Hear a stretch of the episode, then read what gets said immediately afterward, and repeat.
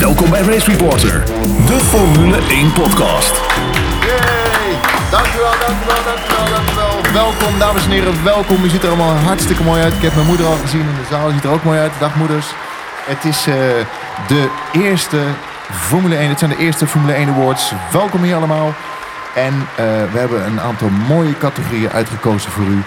En die eh, gaan we met u doornemen. Wie is bijvoorbeeld uitgekozen tot de beste rookie van dit Formule 1 jaar 2018? Prachtig mooi Formule 1 jaar. We hebben ook eh, eh, de beste coureur. Wie wordt dat? Spannend. De, de stemmen gingen alle kanten op.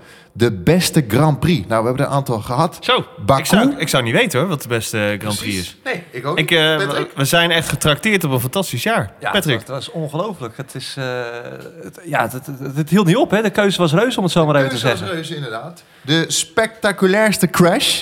We hebben er een aantal gezien. De laatste race nog. Een hele spectaculaire crash. Jawel, botsen. Eh, de mooiste inhaalactie. Daar hebben we een, eh, we hebben een aantal filmpjes ook online gezet. De mooiste inhaalactie. Dat je denkt, oh ja, die was mooi. Oh, ik kan niet kiezen. Hebben we ook een categorie voor. En de slechtste coureur. Nou, die was niet zo heel moeilijk. Hoezo? Maar goed. Nou, ik weet het niet hoor. Het was kiezen tussen veel, tussen veel slechte. Zes categorieën. Dames en heren, welkom bij de Formule 1 Awards 2018.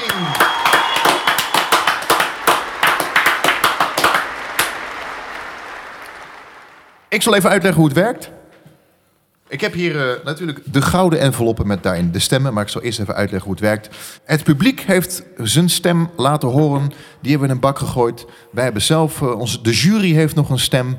En De gasten, hè? De gasten hebben een stem. Wij hebben allemaal één eigen stem. Lucas, eh, onze, Ja. onze host van vandaag. Vaste gast Frederik. En ikzelf, Patrick. Ehm, ja, vier keuzes in totaal. Bij een gelijke stand eh, geeft het publiek de doorslag. Hè? De fans die krijgen dan de beslissende stem. Precies. En zo komt uit iedere categorie één winnaar. En dank ook eh, aan het publiek voor alle stemmen de afgelopen week. wel, Eh, heel erg fijn. Eh, Heel veel gestemd. De reacties vonden we hartverwarmend. Laten we beginnen met de eerste categorie. Eerste categorie is de rookie van het jaar. Charles Leclerc bij Sauber. Dan hebben we ook nog Sergej Sirotkin, Rus, bij Williams.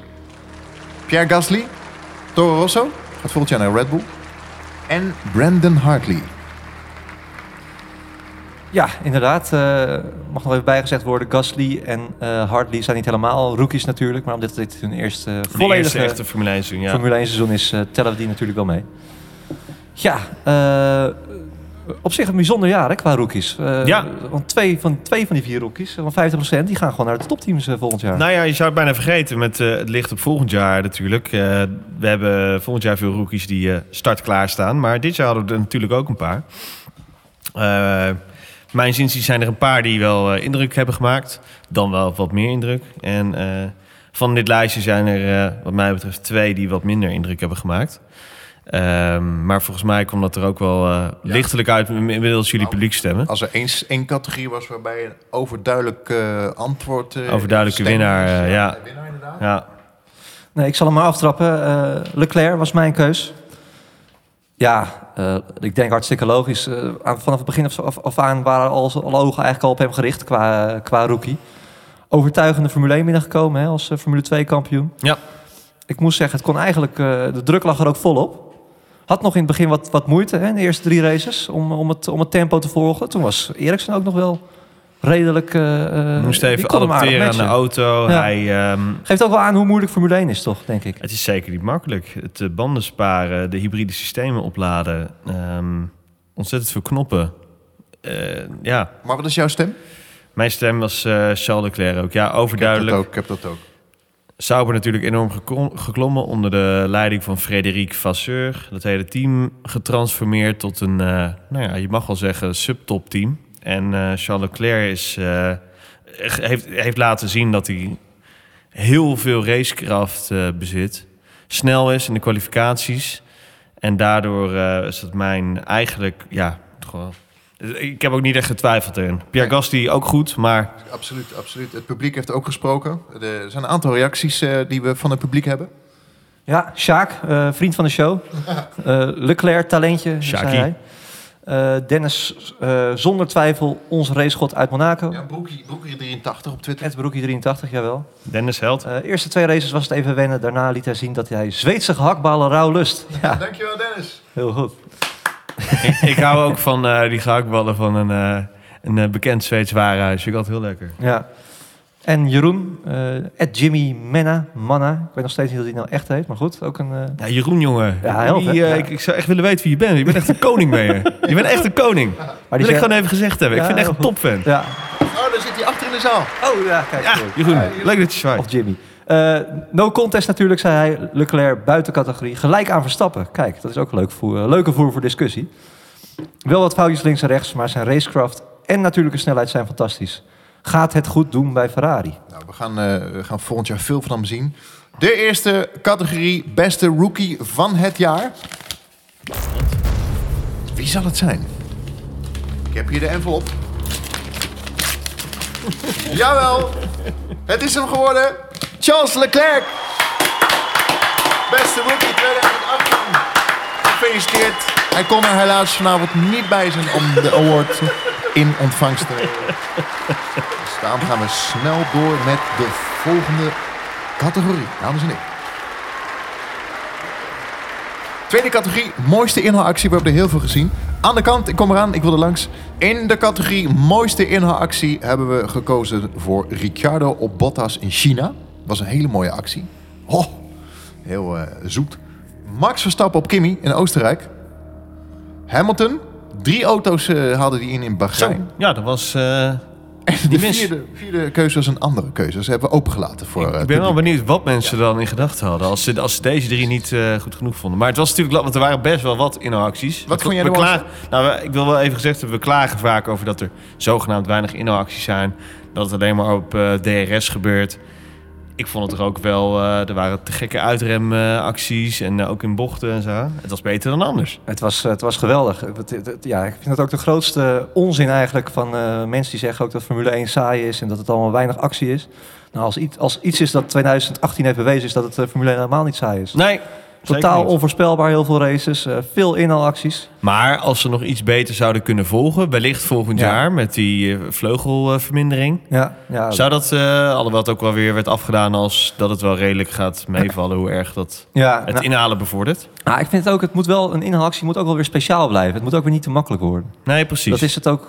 Ja, maar dat is toch juist met DRS? eh nou ja, precies. Maar straks wordt het nog makkelijker. Het is ook, het is wel Ja, een kunst. Patrick, wat maakt voor jou nou de ideale inhaalactie? Wat, wat wil jij graag zien als fan? Mooie, ja, mooie vraag.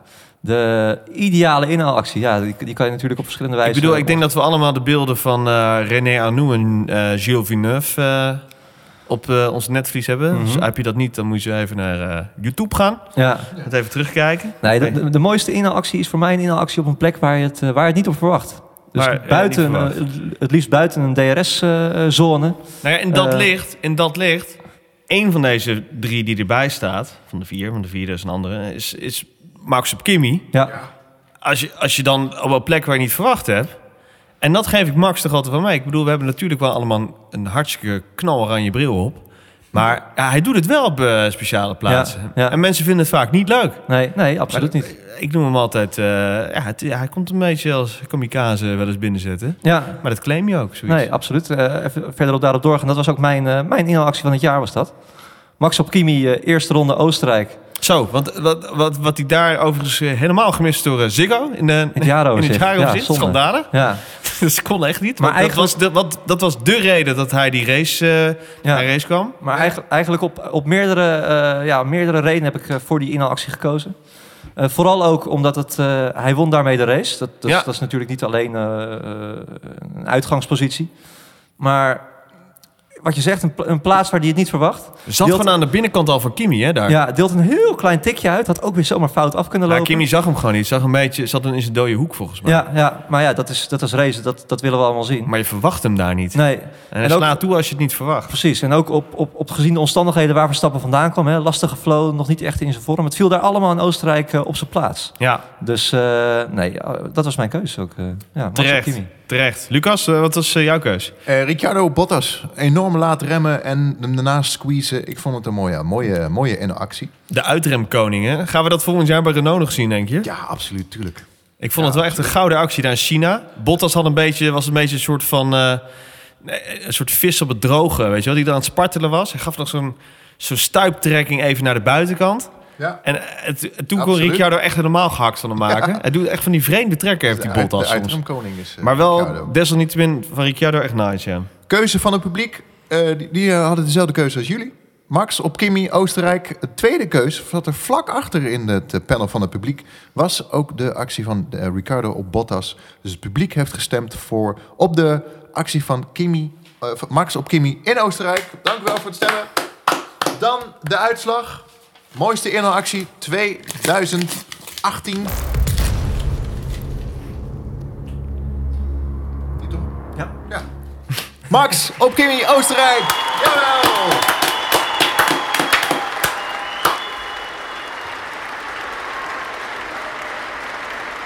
Eh, nog wat eh, reacties eh, uit de zaal? Ja, Wouter de Ruiter. Wouter, dank voor je reactie.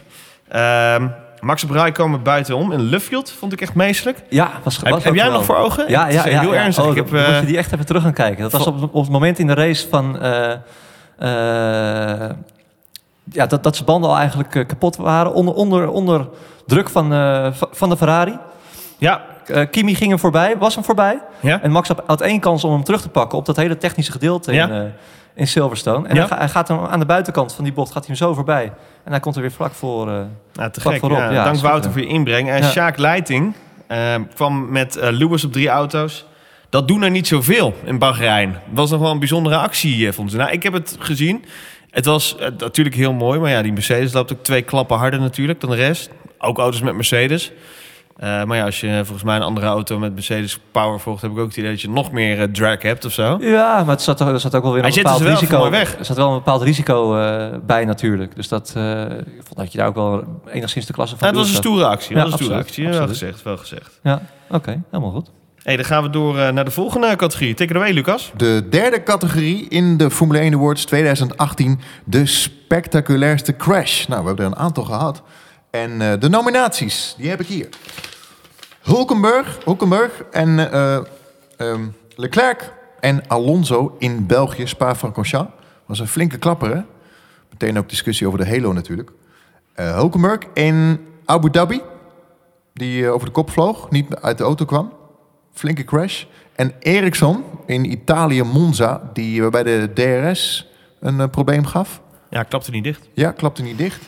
Flinke klapper ook, over de kop. Overigens had eh, onze grote vriend Eriksson daar in Engeland ook al last van. Maar daar was gewoon een DRS. Hadden ze een extra zone erbij gemaakt, toch? Ja, dat was Na toen, start finish? eh, dat hoop ik dat ze dat volgend jaar later gaan doen. Dat, eh dat Verstappen ook toen al voor geopperd. Om en eh, eh, Marcus, op een meer eh, tricky, eh, trickiere plaats eh, DRS te, te zitten. Dus Marcus kon daar niet zo goed mee omgaan. Nee, en Verstappen ging daar meteen in VT1, uh, klapte hij dat ding open. Maar ja, dat, eh, dat bleek dus niet voor iedereen eh, weggelegd. Maar we hebben nog een vierde nominatie. Ja, ook een flinke klapper. Canada weten we allemaal nog. Hartley en Stroll. Vier nominaties. En Hardy die over Strol eh, heen klapte. Ja, had ook fout af kunnen lopen hoor. had dat goed fout afgenomen. Was het Strol zijn fout? Ja, is Har-. Hartley kon geen kant op. Ik zou hem, ik neig dat het een fout was naar uh, Stroll. Ja, ja race incident. wat, ik. jullie, eh, wat, wat, wat vind jij, Patrick? Dus, waar heb jij op gestemd? Ik heb gestemd op, eh, ja, toch op Er- Ericsson in Italië. Het, eh, die crash had, eh, had alles eigenlijk. Eh, een goede crash moet voor mij... over, een auto over de kop, dat, dat zie ik graag. hè. ik zeg dit natuurlijk wel met het oog dat we weten dat het goed is afgelopen. Hè. Dat, eh, daarom, eh, kijk, een crashen is gewoon onderdeel van de Formule 1. Ik denk dat ik, dat ik zou liegen als ik zou zeggen dat je kijkt toch een beetje... Je wil spektakel zien en een goede crash hoort daar gewoon bij. Dat, dat, eh, dat, dat, dat vind ik gewoon. Ehm, ik snap ook dat mensen zeggen die dat niet vinden hoor. Dat vinden, dat, wat Jeroen bijvoorbeeld had gereageerd. Sorry, ik heb geen voorkeur voor crashes. Nou ja, Ja. Kan, ik ook wel, kan ik ook wel inkomen. Maar nee, een, een absolute salto.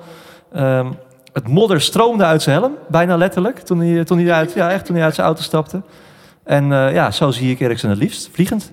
Vooral omdat ze DRS niet dicht ging. Het hartslaatje in de keel, zegt Sjaak Leiting ook nog eens. Ja, nou, heftig. Ja. Ja, helemaal gelijk. Wat is jouw stem? Eh, Eriksson ook, ja. Ja, ja, ik had precies hetzelfde. ja. Dat was toch gewoon een pittige, pittige crash. Ja, DRS eh, deed ze werk weer goed. Of hoe heet het? eh, Halo. Ja. Ehm, Ja, nou, pittig. Ja, daarop terugkomen, die Halo, die heeft ook zijn werk gedaan in, eh, in België, Ja. eh, deze week. Ja, eh, maar ik word er echt kotsmisselijk van. Die bewijsdrift van de FIA om me maar te laten tonen van... jongens, kijk dan dat dat ding wel werkt. Ja, lol, jullie hebben onderzoek gedaan. Dat ding zit er nu op. Ik hoef geen... ik vind het prima, dat ding is er. Maar ga dan ook niet zo moeilijk doen meer achteraf. Nou, ja. Hartstikke mooi Ja. dat dat ding er is. Jarenlang voor gemanifesteerd. Prima, zit er nu op. Wij allemaal aan het klagen geweest. We zijn er nu aan gewend. We houden nu eindelijk onze mond allemaal. Dat ding zit er gewoon op. Ga gewoon door. Get alive. Ja, ja, want wat je zegt, dat, eh, ze zijn er altijd als de kippen bij om te zeggen hoe goed dat ding wel niet is. Dat was ook in Abu Dhabi, hè, bij die crash van Hulkenberg, onze Ja. andere nominatie. Ja, en dan zeggen ze ook van... Nou ja, volgens mij was het nog steeds een rollbar die ervoor zorgde... dat hij Ja. eh, volgens mij ook niet eh, zijn hoofd was geraakt. Dus- Hulkenberg zelf die zei van ja, hij zat eigenlijk alleen maar in de weg. ja, En vervolgens zegt Charlie Whiting weer, nee, geweldig. want die auto krijgt een bepaalde hoek hè, waar hij op ligt, waar hij op Ja. leunt. Dus Ja. daardoor komt hij niet goed Ja. uit.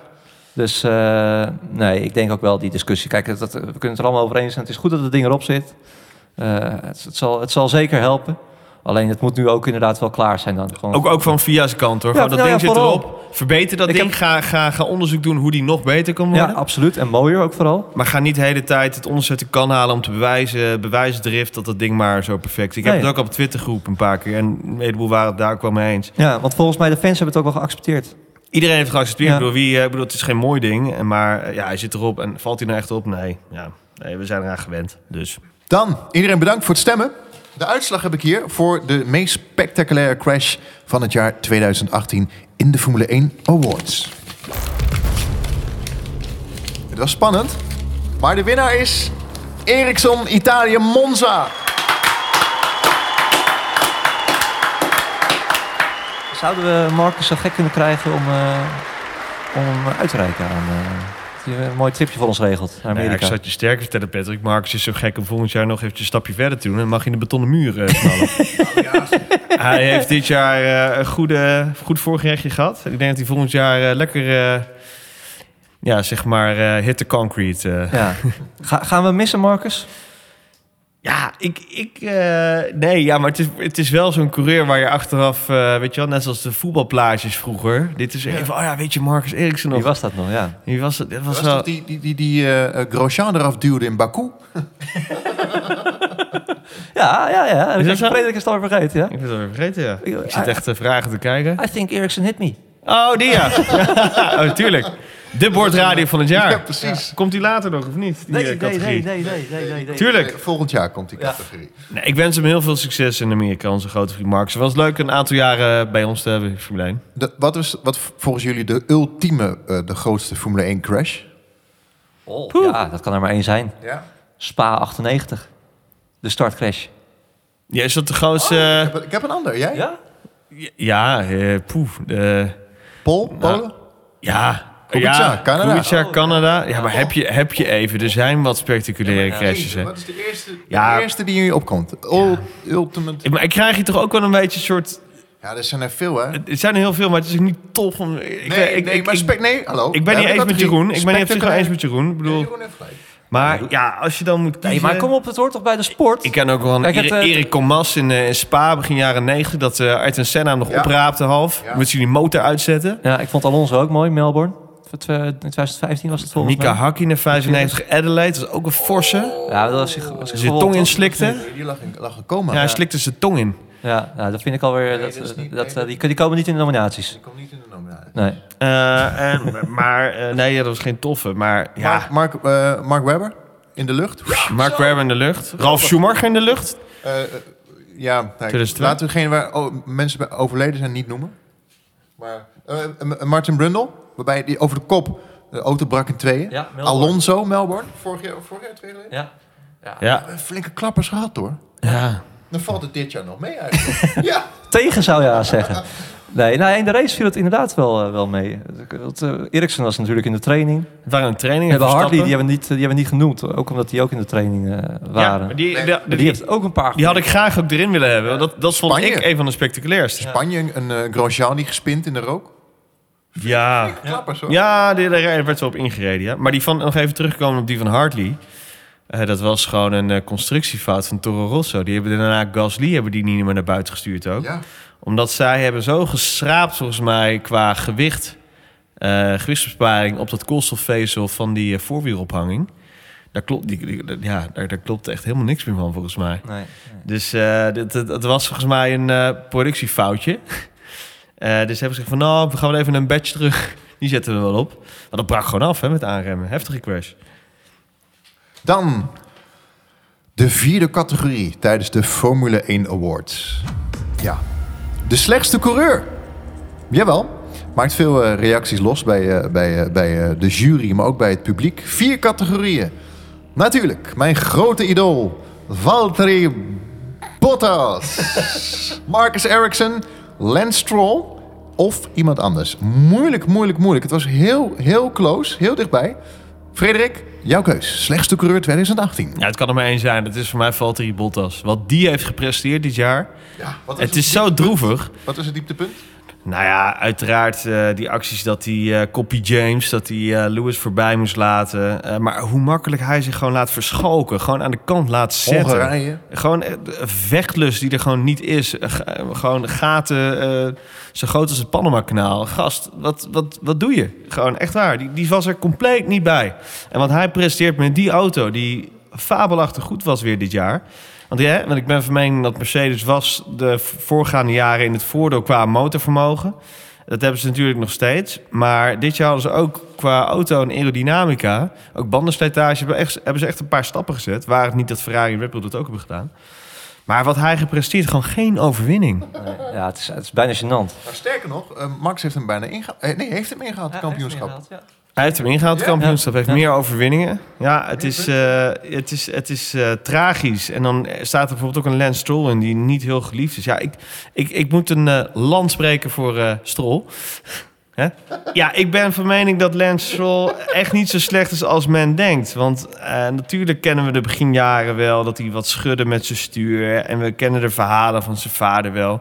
Maar ja, je wint echt niet zomaar zo'n Formule 3-kampioenschap. En het is ook niet dat hij mijlenver achter ligt op Sirotkin of zo. Dus laat hem, geef hem het voordeel van de twijfel. En laat eens kijken wat hij volgend jaar in die, in die Force India kan. Wat het dan ook Racing Point, Huppel de Pub, Racing Canada, Racing Strolovic, Ja. whatever kan.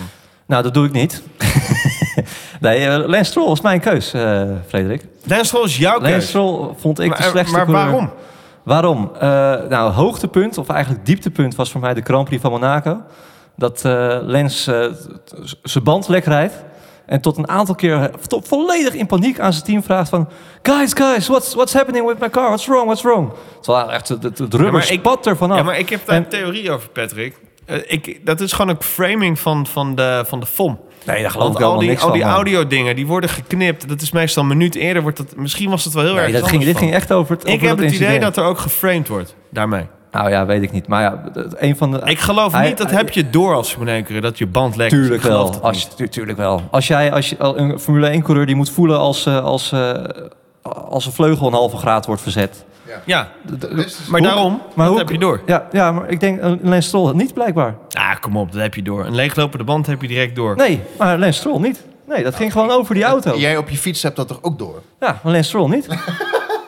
Nee, om maar aan te geven. Plus jij zegt, ja, hij, heeft, hij zat helemaal niet zo ver achter Sirotkin. Nou, A, Sirotkin is absoluut geen wereldtalent.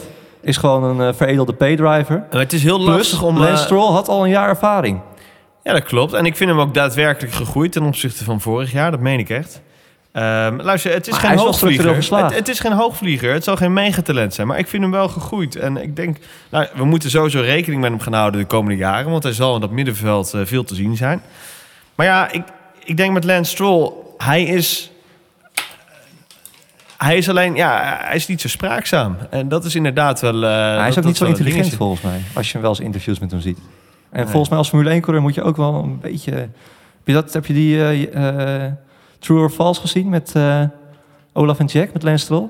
Ja, Oh, ik volg hem op Instagram. Tenen krommend, Hij ja. doet best wel, hij is wel- toffe dingen doet hij. Hij Ja, hond dat geld laatst. Zat met zijn hond op de bank. En, ja, ik, ik wil gewoon graag weten, wat is het leven van zo'n jongen? Weet je? Ja. Wat doet hij hier buiten die sport? Ik bedoel, Ja. Het komt een beetje over als een sulletje. Ja. Maar ik- ja. ja. wa- wat hebben we van Sirotkin gezien aan de andere kant? Nou, Singapore was leuk. Ja. En dat, ik heb gewoon geen één keer gedacht van...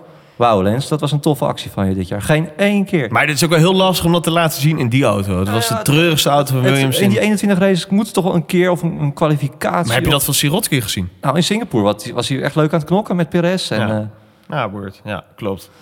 En, en om even terug te komen op Valtteri Bottas ook. Eh, vooral het tweede seizoen zelf was hij echt slecht. Ik denk ook dat het heel erg heeft meegespeeld wat er naar Rusland allemaal is gebeurd. Dat hij echt Ja. mega geknakt was. Maar eigenlijk die heeft ook wel veel pech gehad hoor. Die had, eh, hij had Oostenrijk had hij eigenlijk moeten winnen. Als hij daar niet stuk was gegaan. Hij had Baku moeten winnen, waar hij drie races voor het eind eh, een lekker band had.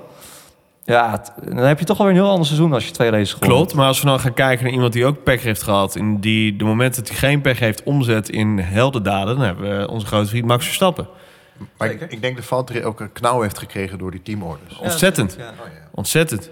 Hij, eh, ja, Zelfvertrouwen. Ja, wat, wat, wingman hè? wat vind jij, Lucas? Ik, eh, mijn stem viel natuurlijk ook op, eh op Valtteri Badjas. Ehm, het was trouwens, ik wil wel even zeggen, ik werd gisteren nog gebeld door eh, Grosjean... die zei dat hij blij was dat hij niet genomineerd was. Nou ja, Grosjean heb ik op zich een hele leuke tweede seizoen zelf van gehad. De eerste was waardeloos, de eerste wat seizoen hij zelf. heeft- weer heeft laten zien dit jaar. Nou, maar hij, hij heeft zich wel... Dat, dat stond misschien een beetje in de schaduw, maar hij heeft zich goed gerevancheerd. Hij had goede resultaten. Vaak boven Magnus ook. Klopt. Eh, Patrick, kan jij daar nog even over uitweiden? Eh, ja, zeker. Nee, eh Grosjean, eh, dramatisch eerste seizoen zelf, kan je wel zeggen. Alles ging mis wat, wat er maar mis kon gaan. En dan vooral door hemzelf. Niet zozeer dat hij heel veel pech had. Alhoewel, eh, ja, Haas had wel een goede auto natuurlijk. Had in Melbourne ook al dik kunnen scoren als die pitstops goed gegaan waren. Ja. Maar echt veel fouten gemaakt. En dat verwacht je toch eigenlijk niet bij een ervaren coureur als hij. Want hij is gewoon van de generatie Hamilton Vettel natuurlijk. Ja, ja, het draait er wel lang mee om eh, dit soort fouten te maken. Ja. Hij loopt overigens ook bij een psycholoog, hè, zag ik. Al eh, sinds Ja, zijn dus- crash dus- in 2012, Spa. Eh, ik denk niet alleen dat het daarmee te maken heeft. Ook omdat uh, Grosjean best wel wat eh, emotionele Mhm. uitspattingen heeft. Vaak. Ja. Het is een emotionele... Maar ik vind het wel knap hoe die Zoals zoveel. Fransen trouwens. Ja. Dat kan je horen in de andere podcast Beyond the Grid. Daar Ja. hoor je Ja. Grosjean. Wat ook, Ja. Hij is toen ook dat jaartje dat hij toen, want hij debuteerde in 2009 geloof ik, is hij nog een jaartje is hij er tussenuit geweest. Ben Maar ik weer toen- vergeten, joh. Ja, maar toen wilde hij, eh, toen heeft hij zich ingeschreven op de kookschool. wilde hij kok worden. Daar is hij geweigerd en toen is hij maar weer gaan door gaan gaan met, eh, met racen. En toen de volgende volgend jaar erop zat hij in de Formule 1. Wat een gast, Dus, eh, maar ik vind het wel knap hoe hij is teruggekomen, want het is makkelijk om hem te bashen. Ja, En eh, zo ben ik ook wel weer. het is ook wel een lieve jongen. Maar goed, hij staat er eh, sowieso niet op ook. Eh Marcus Eriksson trouwens maar 9%. Ja, Eh, Marcus. Nou ja, Publiekstemmen, dat vind ik... eh, nou, nou, om ook... eh, Marcus heeft ook goed gedaan. Ik denk wel met het licht op het feit dat Sauber dit jaar beter gaat. Daar is Marcus heeft er ook meegelift. Maar terecht, prima. Ja, hij deed dan ook goed. Dit was het eerste jaar dat hij ook echt een beetje aan het vechten was hè, met de andere eh, coureurs. Dat je, dat je hem wel wat nadrukkelijker in het middenveld zag. Even wat eh, reacties van eh twitteraars. Ja, ik, ik merk dat bij jullie heel veel emoties losweekt. maar ook bij het publiek. We gaan even naar de reacties van het publiek. Ja, Jeroen zegt eh, Bottas ja, zwaar, zwaar ondermaats met dit materiaal. Niets winnen, minder podia dan een Red Bull. Eh vierde in het WK. Ja, helemaal eens met Jeroen. Ik zei het straks al. Eh, gewoon treurig wat hij doet met dat materiaal. Is eigenlijk een beetje afgewimpeld als eh, de wingman bij Mercedes. Hij, hij moet echt eventjes revancheren deze winter, hè, Bottas. Die moet echt eventjes in zijn koppie... eh Hij zei het ook hè, na Abu Dhabi. Ik heb even in Finland de tijd nodig om tot mezelf te komen. Want lekker gaan ijsvissen of zo. En de druk zal er volgend jaar meteen weer op staan. Hey, Remco schrijft, als je met de snelste auto van het veld geen overwinning weet te halen, dan mag je in het rijtje komen van slechts presterende coureurs. Hashtag Bottas. nou, dat, eh, die eh, doet nog even een duit in het zakje. Helene Franke eh, stuurt ons Bottas met zo'n auto slecht presteren. Dan verdien je inderdaad wel de award voor de slechtste coureur van het jaar. Heel teleurstellend. Ja, ik wil de jongen ook niet afvakkelen, want ik vind het wel... Het is verder een heel aardige kerel. Ik bedoel, ik denk dat je hem enorm goed kan hebben voor je bedrijf. Ik bedoel, kan... een andere coureur voorbij laten gaan zonder enig probleem en eh, gehoorzaamd. Alleen ik zou graag wat meer vuur eh, willen zien eh, bij hem. Ehm, gaan we dat volgend jaar zien? Denk je dat hier nog een, een kan hier nog eh, veranderingen in komen? Kan hij het tij keren? ik, ik weet het niet. Ik denk dat het heel moeilijk wordt als je eenmaal zo'n flow... ik moet heel eerlijk wat, zeggen. ik, wat ik ook opvallend vind, is dat... eh, ehm, kijk, toen Rosberg met pensioen ging, heel, heel onaangekondigd... Mhm. Bottas was niet de eerste keus van Mercedes. wie, wie zou er zelfs de eerste keuze hebben gehad? Weerline, het was, het was, eh, de, de meeste waren in ieder geval niet beschikbaar. Ik denk nog steeds dat er iets met Weerlaai moet zijn. Ik vind dat zo'n raar verhaal. Ja. Hoe zijn, zijn Formule 1 verhaal is als een nachtkaars uitgegaan eigenlijk. Hè? Heel vreemd. Maar goed, ja, eh, terug, ik denk dat Bottas eigenlijk het vijfde wiel aan de wagen is daar met Mercedes. Is daar door omstandigheden bij. Ik, ook in de Williams tijd ben ik nooit heel... Het was het beloofde talent, hè? Deed Formule 3000 of Formule GP2 was toen nog. Deed het gewoon heel goed. Ik ik denk dat ze helemaal geen keuze hadden. Als je Hij reed al met Mercedes. Had steady snelheid, maar nooit echt... ehm, ik zag hem dan nooit echt door het veld heen kruisen, zeg maar. Of gekke acties. Of, of, of- ja... Weet je wel? Was ook, ik, ik kan me nog goed zo'n Kobayashi van een Max Verstappen deed en Toro Rosso. Die lieten zich echt gelden. Ja. Nee, en dat, dat kijk, dat mis ik wel bij hem. het, het duurde het in ieder geval heel lang toen. En eh, het was al best wel ja, een heel kort dag natuurlijk. Overigens eh, nog meer reacties eh, van fans, want eh, het leeft behoorlijk wel, deze categorie. Dennis, Broekie, eh, Broekie83, zegt ook Bottas. Onze grote vriend Dennis Burgersdijk, Ed D. Burgersdijk, zegt niet de slechtste, maar wel de meest tegenvallen vind ik Bottas. Vind ik een eerlijk antwoord, Dennis, dankjewel. Ehm Bas de Veldhuis heeft volgens mij nog Brazilië op zijn Netflix. Want eh, die zegt, eh Ocon, behoeft geen uitleg. Bas, eh, jongen, jij moet er even afkoelen. nou, ik, ben- ik ben wel ben eens dat ik vind Ocon wel overrated hoor. Mag ik, dat, ik zeker niet de slechtste coureur, maar wordt wel heel erg opgehemeld. Ja.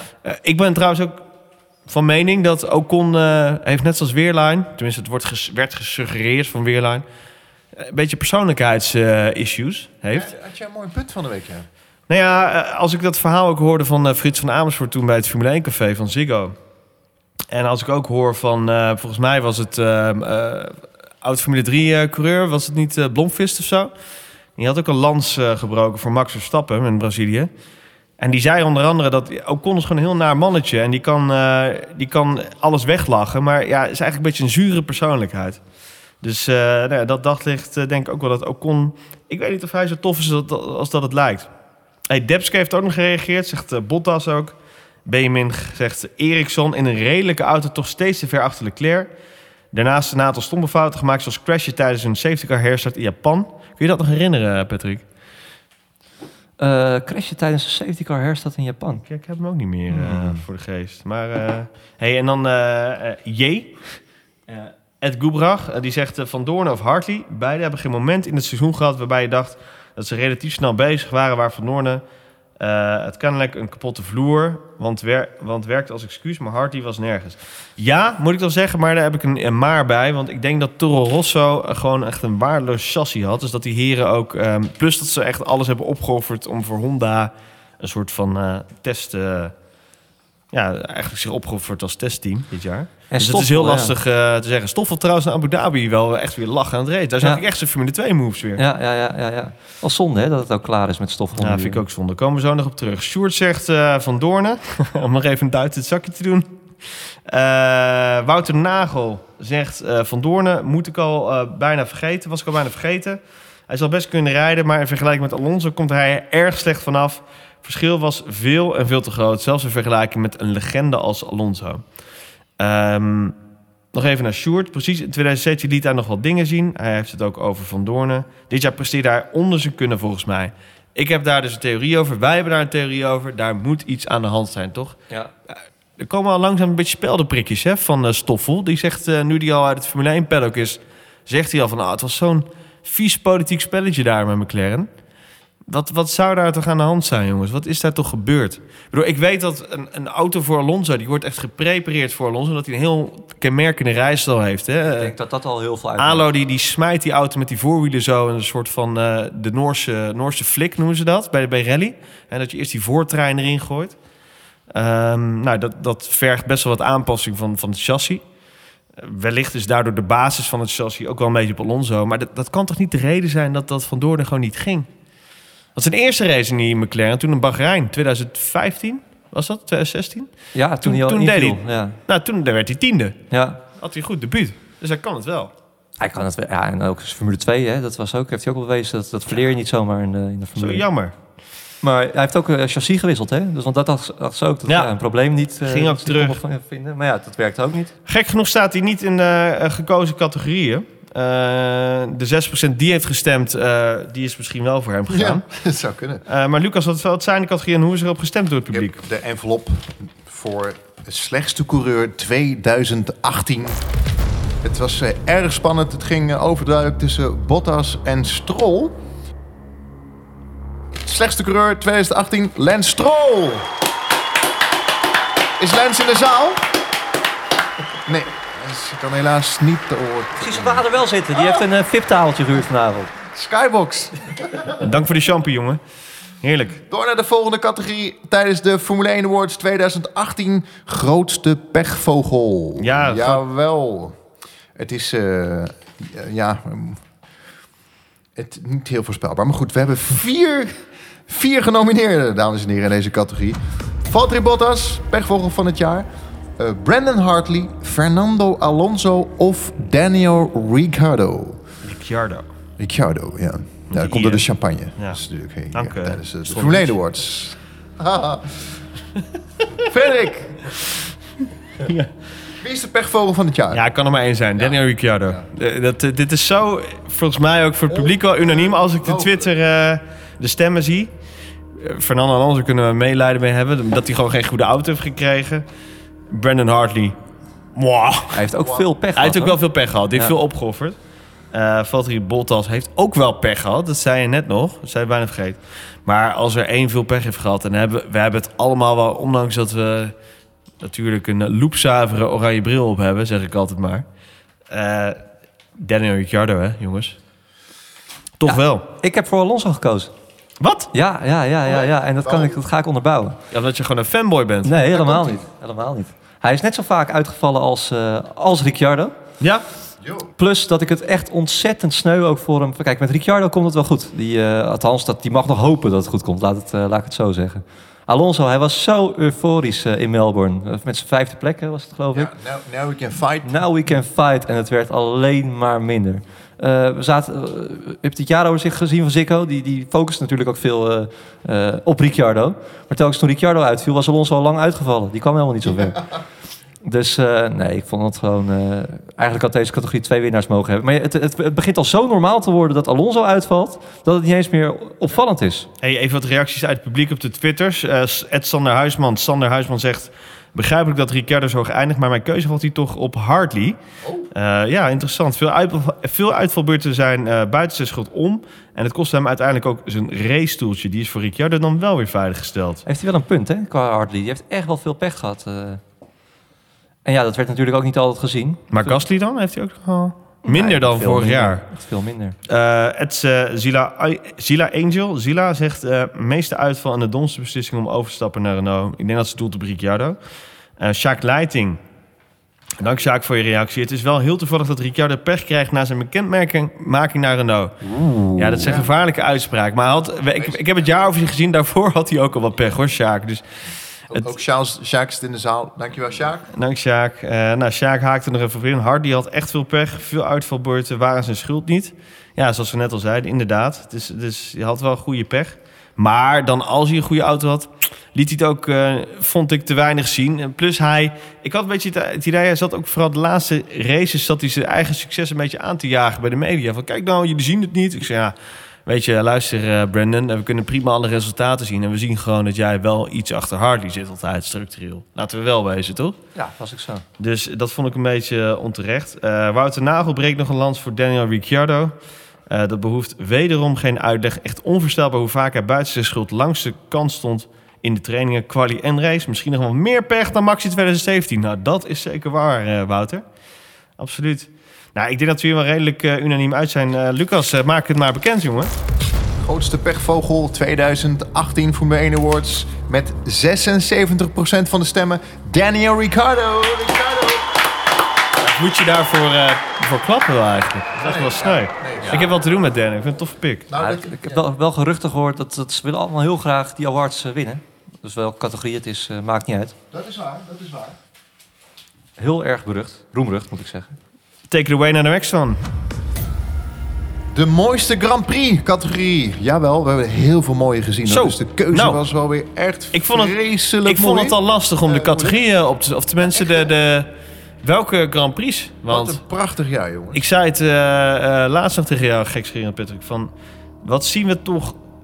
We hebben toch een mooi seizoen gehad eigenlijk dit jaar. In, in dit hybride tijdperk, mag je stellen dat dit wel het mooiste seizoen was van het hybrid era?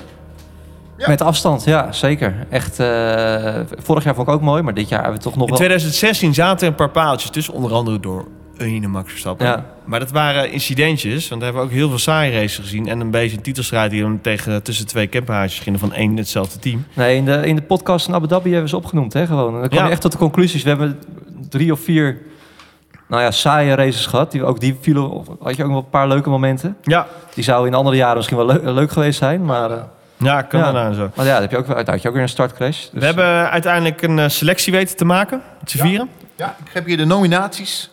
Natuurlijk Brazilië.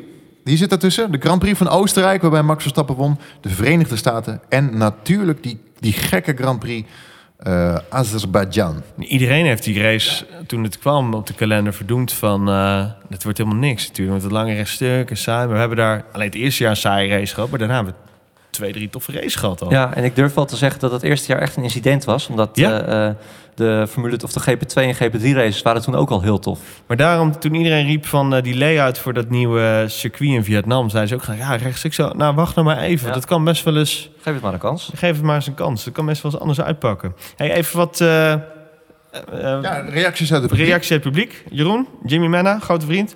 Verenigde Staten, het komt maar zelden voor dat de nummers 1, 2 en 3 zo kort op elkaar strijden in de laatste paar rondes. Daarbij natuurlijk een fenomenale opmars van Max Verstappen. Kornson zegt Silverstone natuurlijk.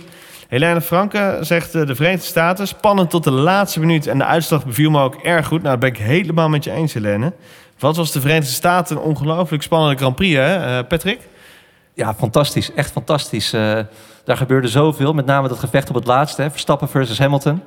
Waarbij Hamilton zei, ja, ik, eh, ik had een, er stond bij mij een wereldtitel op het spel. En, eh, Ik had hier eigenlijk Monza ook nog wel bij willen zien bij dit rijtje. Ja. Het, was, het was echt kiezen hoor, want ze waren zo goed dit jaar. Maar ik heb ook moet, genoten eh, van Italië. Ik, heb, eh, ik, heb een, ik had een shortlist. Hè. Ja. Ik, eh, ik moet eerlijk zeggen... Ik, ik ook, ook zit daar wel een beetje een coëfficiënt verstappen bij, hè? laten we heel eerlijk zijn. Ja, ik, ik, heb, eh, ik, heb, ik had acht Grand Prix. Die heb ik op mijn eigen Twitter gegooid. Een polletje gemaakt. Ja? Ik, mocht toch, ik wist, eh, ja, we mochten nog niet verklappen hè, dat wij de Formule 1 Awards eh, zouden organiseren dit, eh, dit jaar. Maar daar kwamen deze vier races kwamen, kwamen eruit. En daar stond inderdaad Monza staat er, stond ertussen. Silverstone had het, had er ook tussen, stond er ook tussen. Hockenheim stond daartussen. En Japan stond daar ook tussen. Ja, het was echt het was hartstikke moeilijk kiezen. En daar kwamen toen deze vier als... Ja, die kregen de meeste stemmen. Maar ja, Verenigde Staten, ik vond het echt een, mega race. was niet mijn stem trouwens. Was, was het wel jouw stem, VS? Ehm, nee, mijn stem eh, was geen van deze. Ik heb eh, eerlijk gezegd eh, een blanco stem uitgebracht op deze. Want het was Italië. Dat vond ik echt een Het was gekke race. ja. Ja. die vond ik zo bloedspannend. Spannend. Eh pitstopstrategieën. Ik vond Italië echt te gek. Eh rest mij trouwens nog één reactie van Dennis Broekie 83. Hij vond Azerbeidzjan had alles. Spanning, drama en actie. Helemaal mee eens. Ja. Eh, geweldig Verstappen, Ricciardo. Apotheose, hè? Het ging helemaal mis natuurlijk. Maar dat was racen tot eh, op het scherp van de snede, volgens mij. Wat vond jullie, wat vond jullie de mooiste eh, Grand Prix sowieso uit jullie leven? Oeh. Oeh, heb je even? nee, daar, daar kan ik niet eentje van Gaan we ons opnoemen, niet denk ik. wagen? Jawel, Spa 98 toch? Oké. Ja. Ja, die was wel knettergek. Echt, er gebeurde zoveel. Laatst terug zitten kijken. Dat eh, ga ik, kan je, die, kan je, die kan je ieder jaar wel een keer terugkijken. Want Hongarije 97 was ook wel een gekke race. Met eh, volgens mij, eh, was het niet Damon Nee, Hill? met heel inderdaad. Die, Die, die, die arrows. die arrows. Die nog half Die was door het gras knettergek, die was knettergek, die Die race. in de top 10. Eh, maar ja, daar, daar moeten we een keer een aparte special over maken, Ja. joh. Dat, is, dat kunnen we niet zo... eh, Ik, Oh. denk- ik denk voor mij eh, Mont- Montreal 2010 die zo lang duurde met dat... eh, Button? Die Button, ja. Oh, daar heb ik een mooie anekdote over. Die er, nou, die gaan we een special doen. Ja? Wat een te gekke race. Wat is de ane- anekdote Ja. erover, Patrick? Ik, eh, kijk, dat was nog in de tijd dat je als enige van je vrienden Formule 1 keek. Hè? Heb je- Dat hebben jullie vast ook al wel Ja, meegemaakt. en, die, die, eh, tijd. en, en je was kon ophangen aan de achtervleugel van zijn ja, auto, ja, hè? ja, ja, absoluut. Zo, Dus, wat een eh, dingen. Nee, we, we hadden een, eh, een, een leuk feestje bij, eh, ik weet niet meer wat het was, een festival. Nou, Moeke, je moet, je moet toch mee. En ik al mijn sloffen mee naar dat, naar dat feest met mijn vrienden. Hè, dus, Hoe kan dat nou, Moeke? Je kunt toch geen Formule 1 race in de steek laten? nee, ja, precies. Je bent toch gegaan? Was, was in Arnhem trouwens, bij jou, bij jou in de buurt. Ik woon er niet meer, joh. Oh. maar eh, nou, ik daarheen en ik, ik, ik, het was ook begintijd van Twitter, zat je toch te volgen. En ja hoor, regen. Ik denk, nee, dat zal je toch niet menen. En ik ga die race missen. Nou, toen ben ik van dat feest afgegaan naar de binnenstad van Arnhem. Toen moest ik echt nog ontzettend veel moeite doen om, om een kroeg te vinden. Had je mij Waar bellen? überhaupt Formule 1 uitgezonden Had je werd. mij even moeten bellen, Eentje, Boeken? Ja, toen, toen, toen zag een, eh, een, een, kroegbaas, die zag mij half dronken zwerven door die stad, zoeken. Half in die, dacht, die moet Formule 1 kijken. Nou ja, hij zegt, wat is er aan de hand? Ik zeg, ja, ik moet Formule 1 kijken ergens. Hij zegt, weet je wat? Kom maar binnen. Nou, ik die man eh, 10 euro gegeven, zijn tv'tje aangezet. Ik, ik blij zitten. Wordt er niet gereest? staan ze, alle, staan ze alleen maar stil. 10 euro per uur betalen. Ik heb, ik heb twee uur gewacht. Hè. In, in mijn eentje daar gezeten. Ik heb niks gedaan.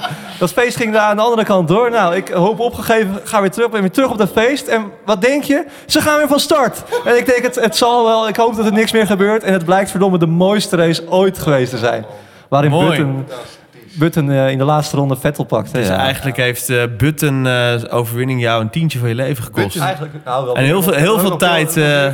Heel veel bier, ja. Ja. Ik kan hem echt absoluut aanraden. Button en Lewis die crashten elkaar bijna in de muur. Button had een, een, een drive-through, pech achteraan gestart. En volgens mij in de laatste ronde haalde die Vettel nog in. Ja, het was bizar. Ja, Dat sorry, sorry, maar dat heb je allemaal gemist. Ja, ja, klote, ja. Ik zat ook heel met heel veel chagrijn, want ik had natuurlijk de uitslag al lang gezien. Zat ik die samenvatting Ja, maar te luister, dit soort race, ik, ik heb nu ook gewoon voorgenomen. Überhaupt in het max-tijdperk ga je geen race meer verliezen. Nee, nee, zeker niet. Maar als er een neutralisatie is van zo'n race, ja, dan, dan ga je gewoon wachten. Want dat Ja. is gewoon Nee. geheid. eh, mensen worden alleen maar getergd. Dan gaan ze nog meer dit soort Ach. bizarre acties doen. Ja, nee, godzij, godzijdank heb ik nu mijn werk ervan ge- kunnen maken. Dus ik hoef nu nooit meer... Ik kan altijd zeggen, ja, ik moet werken. Prima. De mo- mooiste Grand Prix bestaat eigenlijk niet. Want Brazilië met Max is natuurlijk ook fantastisch. Dus laten we ons daar niet aan wagen. Terug, terugkomend, nog op, op deze categorie. Want eh, ik, ik heb nog niet gezegd waarop, wat, eh, waarop ik heb gestemd. Klopt. Mooiste Grand Prix van Ja, het, ik heb dus eh, blanco gestemd, want ik wilde dus eigenlijk Italië. Ik vond die, die alle vier super mooi, maar Italië vond ik gewoon algemeen heel spannend. Gewoon. Dat was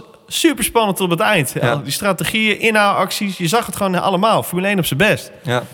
Ja, dat waren ze allemaal trouwens zo, die erbij staan. Nee, mijn keus ging naar eh, Brazilië.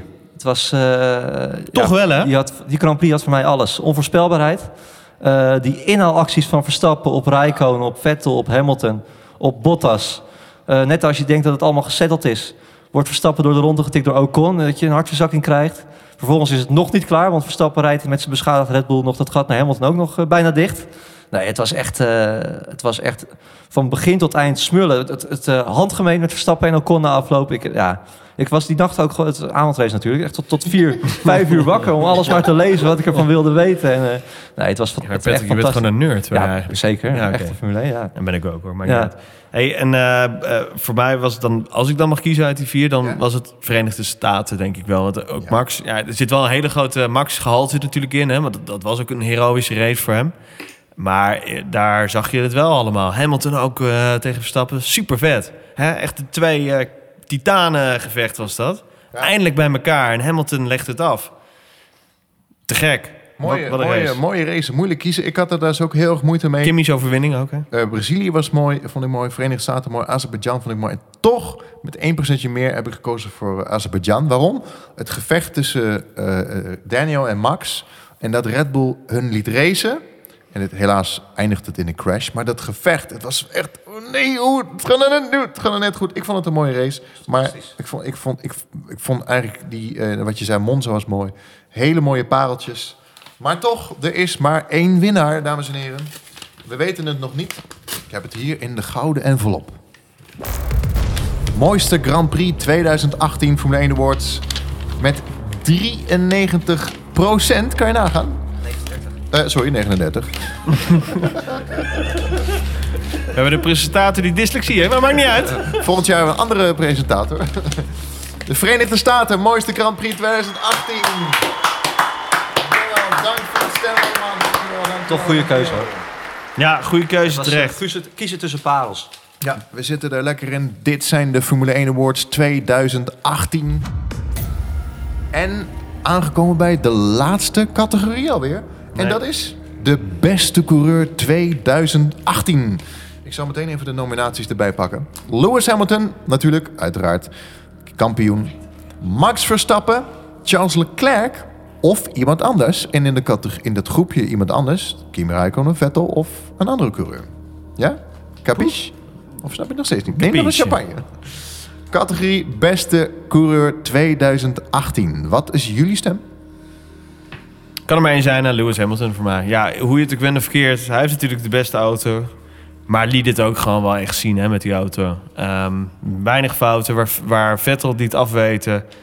Ehm, ongenaakbaar. Heeft goede kwalificatie ook gereden. Ik kan me Singapore wel herinneren. Die, die, rond, die kwalificatieronde op Singapore... dat was voor mij echt wel het hoogtepunt van het seizoen, hoor. Daar liet hij echt zien hoe feilloos die is. Hoe ongelooflijk getergd En ik haat hem dan wel misschien buiten de auto met al zijn belief gedoe en, en, en, en, en heel Amerikaans allemaal. Maar ja, hij doet het wel even. En daar kun je allemaal wel eh, dubbellevens leiden, weet ik het allemaal. Maar hij doet het wel. Ja. Eh, ja, veel, veel reacties binnengekomen. Sjaak, vriend van de show.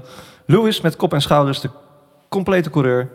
Of het de beste auto was, vraagteken. Ik weet het niet. Bottas deed er niet veel mee. Lewis wel. Hij had ook in een Ferrari kampioen kunnen worden. Dat vind ik een leuke stelling. dat heeft hij zelf ook gezegd. Dat is een soort politiek spel. Ja, maar Lewis. eh, Lewis, Was Lewis doe het dan deze ook. Ferrari Ja, maar doe het dan. Dat vind ik ballen. Ik denk het wel. Ja, ik zou het tof vinden. Als je kijkt naar de fa- stel dat, dat Vettel in een Mercedes had gereden. Kijk naar de fouten die Vettel gemaakt heeft. Monza. Ja, maar ik weet niet of die... die want ik vind Vettel, ik denk persoonlijk... Maar dat is, dat, is, dat is nergens op gebaseerd. Het is puur mijn visie. Maar ik denk dat de, de rijstijl van Vettel beter aansluit bij een Mercedes. Ik weet niet waarom, maar dat denk ik gewoon. Omdat het Duits is. Nee, maar gewoon hoe, gewoon hoe die auto gebouwd is. Dus ook qua ophanging, hoe je zijn auto instuurt, zeg maar, gevoel. Dat- Ik denk dat Vettel meer feeling met die auto heeft dan met een Ferrari. Dat is mijn... Dat, nergens op gebaseerd, maar dat denk ik gewoon. Ja, het zou leuk zijn als ze dat inderdaad... eh, Maar ik zou het tof vinden als Hamilton deze... Maar de- gaat hij dit doen? Nee, nou ja. Nee, ga dat niet doen. Ik zou het tof vinden. Kijk, als hij dan echt zo van believe is en eh believe jezelf, doet het dan. Dus dit is Ja. het gekke ding. Je hebt alles al gewonnen, gas. Kijk, als, dat, als eh, Lawrence Stroll, hè, als die nog lang in de Formule 1 blijft zitten... natuurlijk ook ge- geleerd aan... Is hij nog geleerd aan type Tommy Hilfiger? Nou, zou wel Nee, kunnen. hij was Michael Kors. Oké. Nou goed, in ieder geval wel mo- modemagnaat, wel in dat wereldje. Ik zie eerder nog eh, met hem een, een deal met Hamilton sluiten... of zo, als hij in zijn eh, nadagen van zijn carrière Dat hij een zit. soort teambaas wordt of zo. Hamilton. Nee, gewoon als coureur nog. Een beetje à la Kimi. Lekker afbouwen daar bij zo'n team. Ik denk niet dat hij nog... Ja. Ja, maar Hamilton gaat toch lekker beats bouwen en Ja. zo. Die gaat toch gewoon Ja, eh, muziek maken, rappen. Gaat... De penthouse in Amsterdam ergens kopen. Dat heeft hij ook nog gezegd. Hij wil nog een huis Ja. in Amsterdam hebben. Ik bedoel, ehm, ja... Ik, ik zou het tof vinden als zij naar Vrij zou gaan. Laat ik het zo stellen. Ja, Maar, maar voor mij was het eh, Hamilton, ja. Voor jou, eh, Patrick. Mijn ook. Hamilton kan, ja, wat je zegt, eigenlijk is het eh, foutloos. Ehm, Verstappen wel goede P2, denk ik. Als je Verstappen beste comeback, laat ik het zo zeggen. Ja, Want het begin was verre van goed natuurlijk. Ehm, eigenlijk hadden we tot China, eh, nou tot de met China, bakte hij er gewoon vrij weinig van. Eh stomme foutje. Ik heb het ook teruggekeken, het jaar Het waren gewoon ook te opportunistische, opportunistische eh, moves van hem. Daarna Spanje natuurlijk, daarna nog Monaco. Dat was nog even gekloten. Daarna ging niet. Echt alleen maar. Dus eh, de meeste punten dan wie dan ook gehaald, behalve Hamilton geloof ik, hè, tweede seizoen zelf. Ja, ja absoluut. Ehm, terugkomend op Hamilton. Hij gaat nog wel even door. Hij heeft ook gezegd, ik wil die, die, die, die punten van Schumacher wil ik, eh, wil ik aanpakken. Wil ik het liefst eh, verbeteren. Gaat hij dat halen, denken jullie? Ik denk het wel eigenlijk. Nou ja, als die Mercedes op hem... Als, als niemand anders een vuist kan maken tegen het eh, bewind van Mercedes... Want hij heeft nog twee dan wereldtitels gaat nodig. hij glansrijk dit bereiken. Ik geloof er echt wel in dat hij dat... Ja, dat hij, dat Maar als, als volgend jaar Honda met Red Bull een vuist zou kunnen maken... wat ik ontzettend hoop en wat wij allemaal hopen volgens mij... ehm, Het zou wel leuk zijn als hij gewoon weer echt uitgedaagd kan worden door een. eh, Zou ik het wel nieuwe tof jonge vinden. Ja. Ik, ik, als ik even... eh, Lewis heeft het goed gedaan. Maar het was ook mijn stem. Ik ben niet zo heel fan meer van hem dit jaar. maar dat is het met Lewis, hè? hij is heel sterk. Hij is ontzettend sterk. Hij, st- hij straft wel fouten, maakt hij zelden. Foutloos. Maar ik, hij is wel voorbijgereden ook een paar keer dit jaar. Het Ja. is niet Kijk, sterkste dat jaar. is het. Kijk, hij heeft gewoon eh, eigenlijk... ehm, ik, het is heel lastig, want is hij nou een beste coureur? Nee. Ondanks dat hij die vijf kampioenschappen heeft. Hij is geen... Want ik, ik zie hem toch ook wel vaak klagen en moeilijk doen. En ik mist ook wel weer vuur af en toe of zo. Als hij dan echt moet inhalen, dan wordt het allemaal lastig en ja, moeilijk. maar ik denk dat het juist die echte dat er- dat killermentaliteit, die juist heeft hij wel als hij op kop ligt. Maar Maar dat is ook wel weer op zich best wel kracht hoor. Want eh, hij wordt ook wel tweede vaak, derde. Hij maakt er wel altijd het beste van. Maar daarom daar zou ik zo graag weer... Ik zou hem Hij valt nooit weer- uit of zo door, een- oké. hij in de regen uitglijdt in Hockenheim zoals Vettel. Maar met zo'n Rosberg, dat kon hij ook niet echt 100% afstraffen. Dat jaar was Rosberg gewoon de betere, laten we het wel zeggen. Nou, ook weer niet. Daar heeft hij wel veel pech Ook gehad. uitvalbeurtje, Met links en rechts. en, eh, maar Rosberg kon als enige in zijn kopje komen. Neem nou Monza. Monza moest hij eh, winnen omdat Bottas Rijkonen ophield. Anders had hij niet gewonnen. Hij zette Kimi daar wel netjes weg, Monza, moet gezegd worden. Dat deed hij echt... eh, ik zag die actie nog even terug straks. Dat, dat deed hij wel fraai. Ja. En hij heeft inderdaad wel, wat je zegt, Lucas, een heel team in dienst van hem eh, hebben draaien. Zelfs een eigen teamgenoot. Die ook Maar voor ik hem zie het hem tegen Verstappen gewoon afleggen. Ja, dat bedoel ik. Dat meen ik We echt. hebben een Prost die kon vanaf achteraan starten en de race winnen. Eh, Lewis Maar hij kan dat heeft ook. wel de mazzel van een goede auto. Ja, maar Ja, hij het is wel een beetje Prost. Want Prost zegt- was ook heel berekenend. Hij heeft... Het is niet die bite. Die, die, hij vecht wel. Maar misschien heeft hij dan... een goede auto. Misschien heeft hij dan wel de instelling die een Verstappen ook zou... Dit is een gevaarlijke uitspraak, maar ook zou moeten hebben om, om zoveel wereldtitels binnen te halen. Want ja, Verstappen ja. misschien wel te gretig is in zijn rijstijl. Maar hij accepteert het als hij een keer tweede of derde wordt. En dat hij denkt van nou die andere keer of, of vierde. Ja, dat En berekenen. we, Ja. we hebben nog te weinig gezien van Verstappen als hij echt een kop ligt van start tot finish. Maar dat komt ook omdat Verstappen die mag dat risico nemen. Omdat hij nooit voor een titel heeft hoeven vechten. Is dat zo, denk je? is denk dat ik nu wel. echt dat hij gewoon Ik meer... denk, ik denk dat je Max daar pas op mag beoordelen als hij echt in de positie is dat hij voor de titel kan gaan. Ja. Hij, hij mag nu risico nemen, omdat het toch een reet uitmaakt voor, voor, zijn, voor zijn plek. Eh, het maakt hem niet uit of hij En hij wil het risico ook nemen. of vierde wordt. Ja, en daarom vinden wij hem ook zo goed. Maar daarom zeg Als- ik, voor, voor Verstappen geldt, eh, van die dingetjes die hem nu overkomen met Ocon en zo, dat is gewoon... Dat is allemaal goed. Dat is Luister, dat is ook ons, verka- Ocons fout nog steeds, maar het is gewoon bagage die je in zijn Ja. rugzakje kan stoppen. Ja. Zo moet je dat zien. Ja, ja, zeker. Nee, dus... eh, En laat hem straks maar sterker worden als hij echt tegen Hamilton moet duelleren. ja. Want wa- wat denk jij even over, over de kansen van, van... Kan Hamilton nog tegenstand krijgen, Lucas, eh, denk jij? Zie jij gebeuren dat, dat Hamilton... Of wordt hij gewoon, zonder enige twijfel, komen er nog twee kampioenschappen Nee, bij? hij is echt wel bang voor Max. Absoluut. Ja, maar dat merk, je, dat merk je nu al ook. Hè? Ja, daarom. En een Leclerc komt natuurlijk ook... eh, Maar ik, ik zat aan iets anders te denken over de kwaliteiten van Lewis. Je zegt dat berekende, Ja. de berekenende.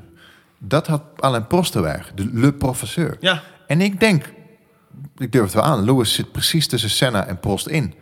Hij heeft die agressie en die vechtersmentaliteit van Senna. Maar het berekenen, ook hoe die reageerde op die actie van Ocon en Max in Brazilië. Hij zei, ja, je had moeten je back out en je had rustig aan, moeten, je had meer te verliezen. Dan, dat, bereken, dat heeft hij wel. een beetje hij is daar enorm... eh, dat heeft hij ja, in zich, tot zich genomen. Hij kan precies schakelen. Oké, nu moet ik rekenen, nu moet ik...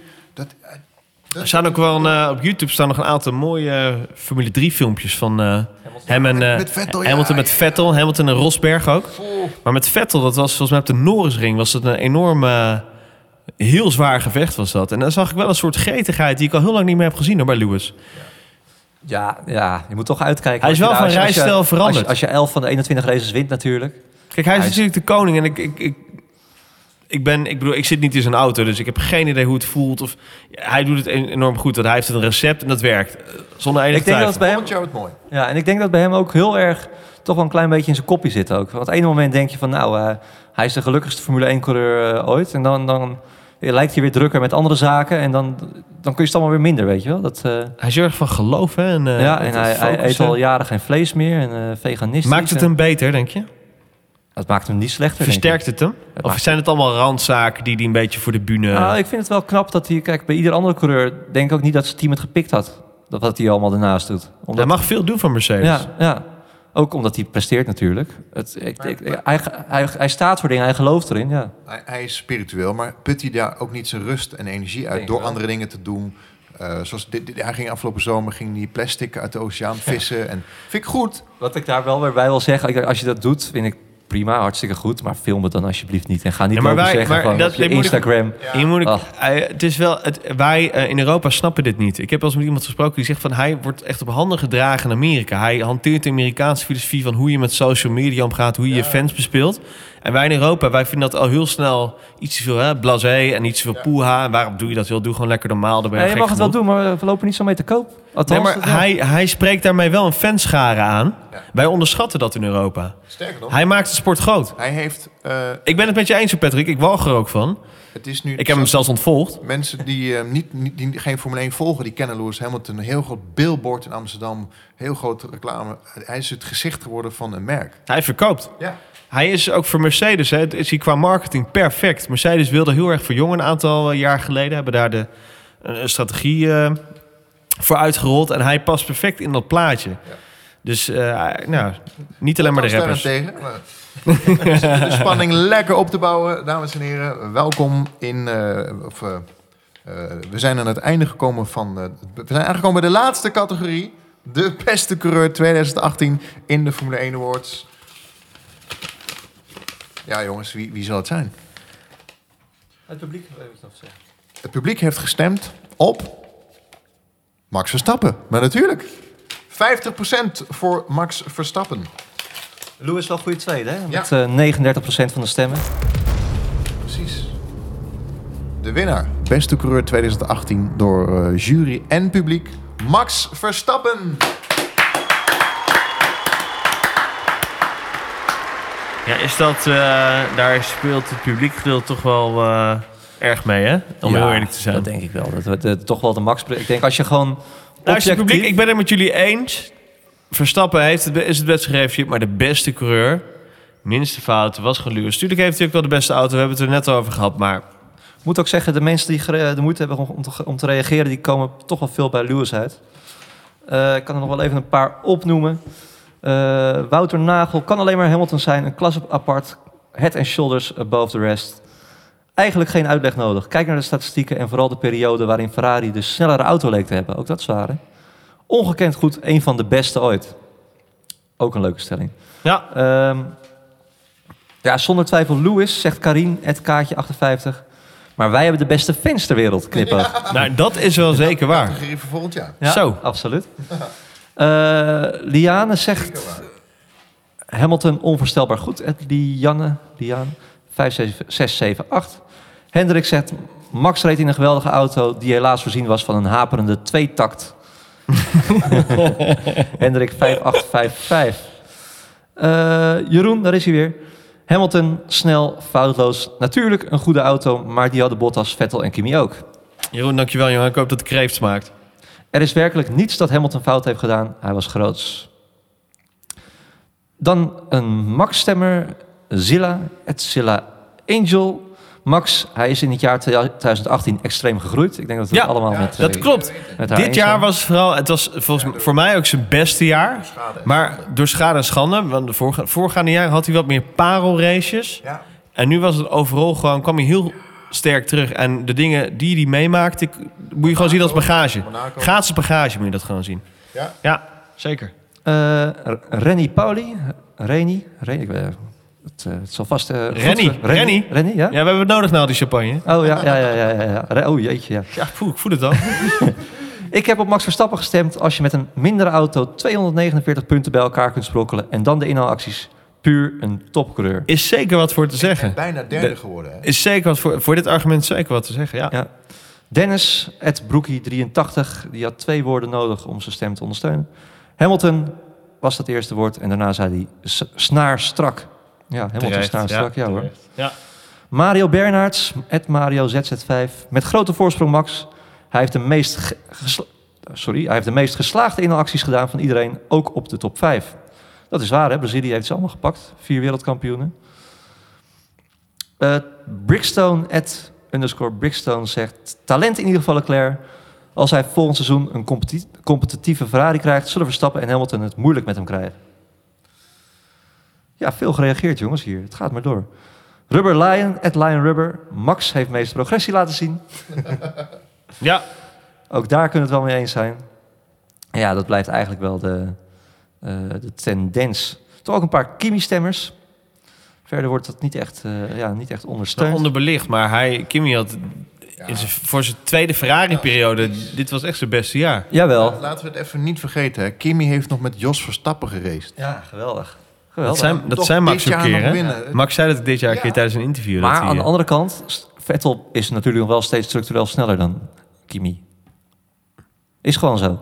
Als je ziet hoe hoog Vettel geëindigd is en Als- Kimi erachter. Als Kimi wat minder gaat drinken... kwalificaties. Kijk, Kimi heeft een topseizoen gehad. Maar in allround ook al heeft Vettel wat foutjes gemaakt. Maar is Kimi dichter bij Vettel gekomen? Is Vettel iets afgezwakt richting Kimi, denk je dan?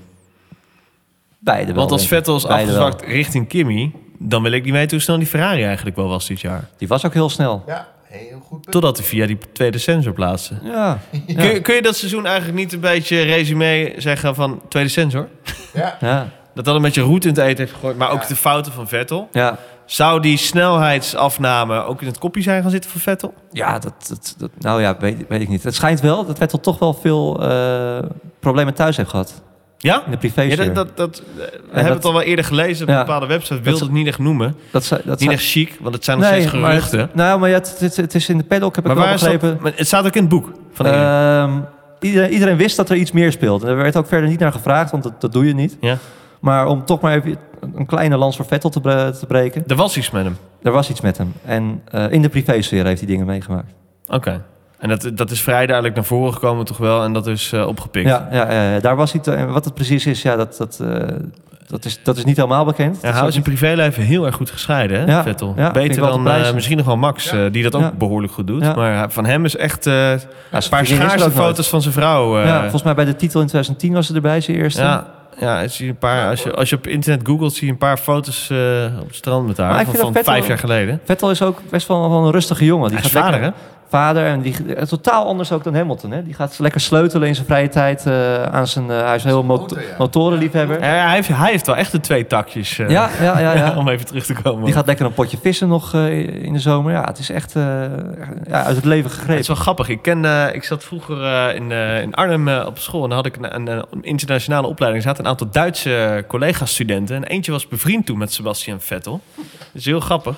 En eh, die wisten, hadden een mooi verhaal, want eh, Vettel is ook een heel groot kunstliefhebber. En toen vertelde hij eh, dat hij een vriendinnetje had, Vettel. Misschien zijn huidige vrouw, vriendin.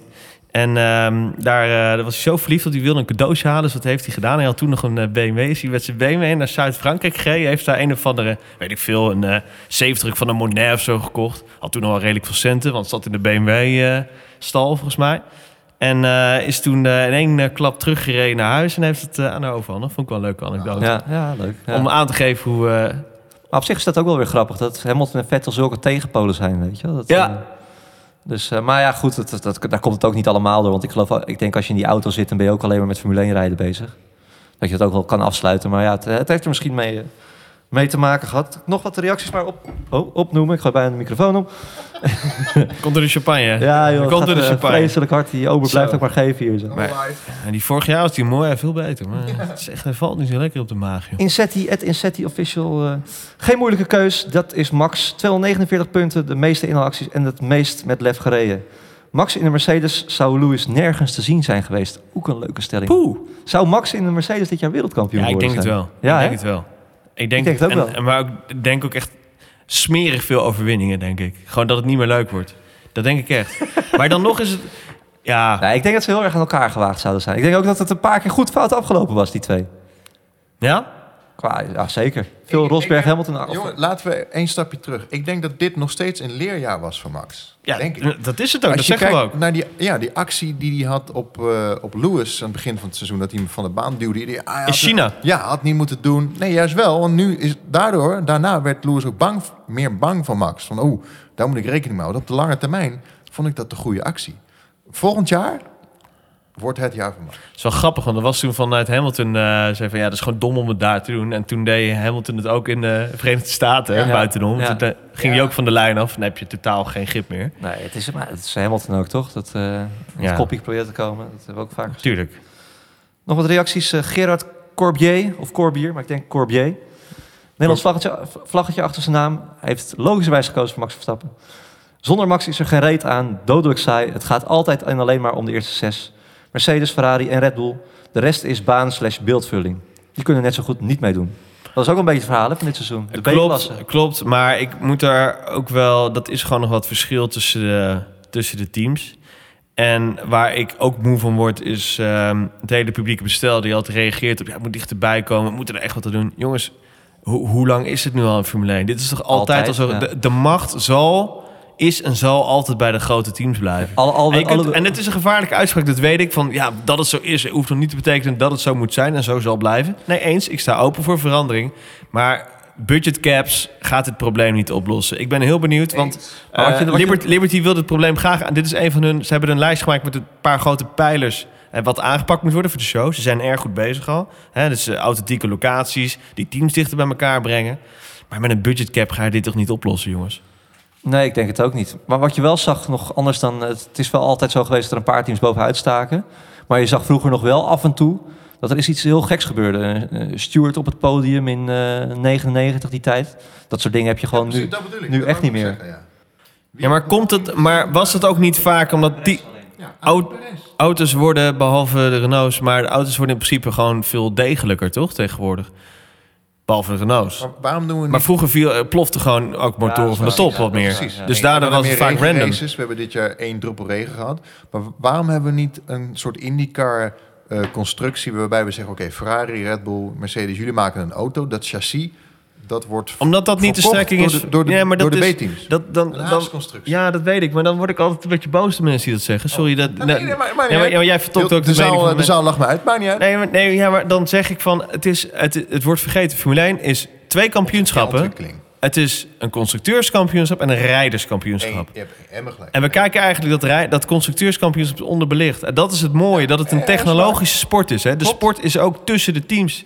Ja, misschien volgend jaar categorie eh, het beste team. Ja, nou dan mag die naar Mercedes gaan, toch? Maar nogmaals, voor, we hadden vroeger veel meer de underdog. En Williams die, die nog in ieder geval meedeed om de strijd. Ja, maar En dan- Alonso en, en McLaren. En, en waar, wel, we hebben Red Bull, Ferrari, Mercedes. Ja, maar we hadden ook vroeger eh, een aantal mafioze teams... die gewoon echt snelheden hadden dan middenmoot Formule 3000 teams. Maar we hebben geen Kobayashi op het podium gehad. Weet je, geen, geen Hartley. Die, die, alleen, alleen Perez op het podium. Ja, ja Kobayashi was sowieso al weg, maar... eh, Ja, je hebt een- ja, ja. ja, ja, maar- Ah, je, bent- je, bent- ja, je bent wel echt... eh, tot een paar jaar geleden... Die Williams was toen ook wel heel goed. Het, eh, het verschil is wel heel groot geworden nu. Het verschil is wel redelijk groot Het geworden. moet wel maar, iets dichter bij elkaar ja, maar het, als je kijkt, Hill het zit ook de niet... Jordan die won in de regen. Zulke dingen. Ja, maar luister, als je kijkt naar als je races van de 90s opzet, dan zag je ook sommige teams. eh, ik bedoel, Lola, die reed gewoon 12 seconden achter de. Die hebben het ook niet eh, gehaald. Ja, toen kwam de 107% regel. Ja, precies. Dat hebben we al niet meer. Of hebben, dat hebben we wel weer trouwens. Ja, staat van. dus daar blijven ze prima binnen. ja. En als je ze ziet op Spa of zo, zit het ook niet zo heel ver uit elkaar. Ik bedoel, het is drie seconden, wat natuurlijk wel een, een kalendermaand is eh, voor Formule 1 auto's. Maar weet je, het is altijd al geweest. Dus waar, waar moet je dan... Moet, ja, willen- Ik vind het lastig, meer verrassing. Van, hey, tof, heb je dat gezien? Die en die heeft gewonnen. Nou ja, wat ik, gewoon, wat ik gewoon wil zien, Spanje 2016, Oostenrijk 2018, dat die eh, Mercedes eruit testen, weet je wel, zoiets. Meer actie. Dus moet misschien het racen gewoon. Daarom vind ik dat dat hele gespaar en gedoe moet weggaan. en dan krijg je vanzelf mensen ik 300% met die, die, die gewoon die de velg van de band afrijden weer. Want we twee jaar geleden, want die Pirelli's waren toen helemaal gewoon kloten. Die waren echt, echt super kut, waren die. En nu is het allemaal zo, ja, nou ja, dan gaan we doen maar een stopje minder, jongens. Dan gaan we iets langzamer kunnen we een stopje uitsparen. Want aan Pirelli ligt dat niet zozeer, hè? Dat wil ik ook nog eventjes onderstrepen. Die banden die we nu hebben zijn zo slecht nog niet. Het zijn de teams die de regels zo interpreteren van... nou ja, dan doen we wel... als we één stopje minder doen, dan rijden we iets langzamer. Dan kunnen we iets berekenen rijden. En daar, dat zorgt ook voor de rijstijl bij coureurs. Patrick, wat ben je opvallend stil? Jij vindt, er, jij vindt er eh, iets van. Ja, nee, ik vind, ik vind Maar, het, maar vind ik wil gewoon vooral aangeven dat het een heel lastig debat is dit. Want het, Ja, het is, kijk, het is ook iets van alle tijden. Hè? Dat, eh, je hoort eigenlijk al, zolang ik Formule 1 kijk, hoor ik dat inhalen moet makkelijker gemaakt worden. En de verschillen tussen de topteams zijn inderdaad heel groot. Maar het, ja, er zijn zoveel facetten daaraan. ja, zeker. En het is ook niet zo makkelijk op te lossen. Ik denk ook niet met een budgetcap of zo. Dat, dat, Nee. nee. Haal iets weg bij het een en het ander gaat ook weer wringen. Dus het, Ja. is, het, is, het is geen balansschaal of zo. Nee, nee, nee. Het is heel lastig. En eh, ik vind vooral de kunstmatige aanpassingen. En wat je zegt, het, is, het hoort ook bij Formule 1. Het, eh, het zijn twee kampioenschappen inderdaad. Waarom niet gewoon zeggen dat het goed is zoals het is? Nou, ik, ik, ik, heb, ik heb laatst nog of laatst. Tuurlijk moet je altijd wel verbetering Ja, nee, ik heb afgelopen zomer een column geschreven over dat dit eigenlijk het mooiste Formule 1 tijdperk is. De auto's zien er top uit. Qua, qua races, qua races. De auto's zien er echt gespierd uit. Echt gewoon... eh, Ja, behalve dan die hele. nou ja, ik vond die auto's van, ik vond die auto's van eind jaren 90 en begin 2000 die waren toch wel een stukje ook mooier. wel vet, ja. En wat ik ook heel lelijk vind, wat ik, wat ik, nooit, wat ik nooit hoor eigenlijk, is de, eh, eh, die vloer van die auto's. Waar, waar, dat, waar, dat, eh, waar die monokok maar opgezet is. Ja. Dat je die, die had je vroeger niet. Het was altijd toch zo mooi soepel uitgelijnd zo. Ja? Snap je wat ik bedoel? Nee?